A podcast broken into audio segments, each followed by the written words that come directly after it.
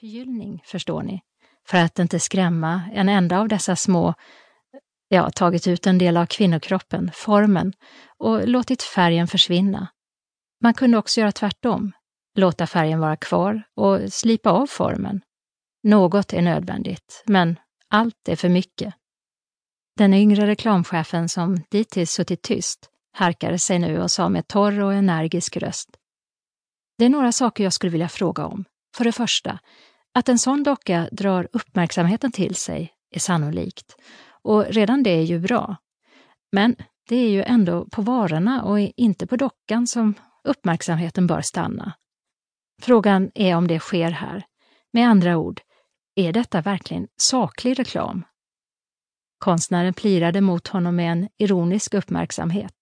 Hans röst var mild och långsam som den tålige lärarens inför ett flitigt men obegåvat barn.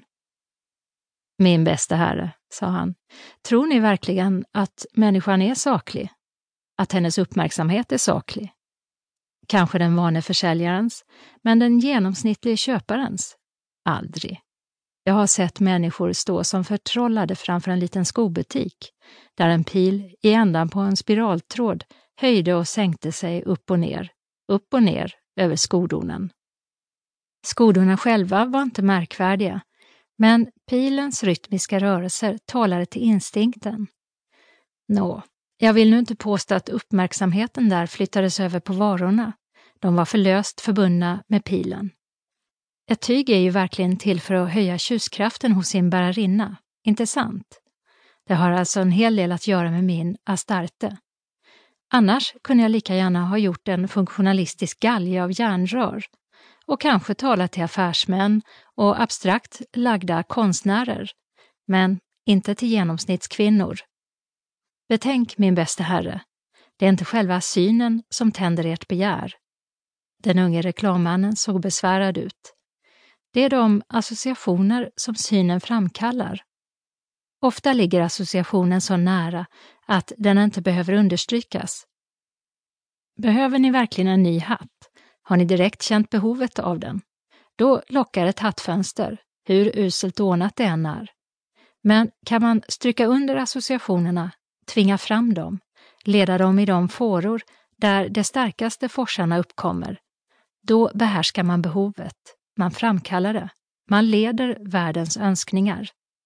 Min docka är en associationsledare. Ni kanske hör till dem som tror att människan klär sig i enlighet med en mystisk naturkraft, kallad smaken, fortsatte han. Ja, smaken.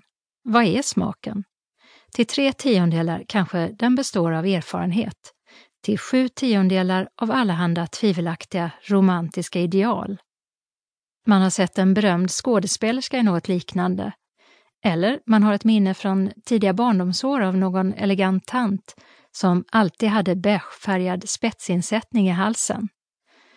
Man kanske tjusas av en liten, helt liten manlig anstrykning i modet.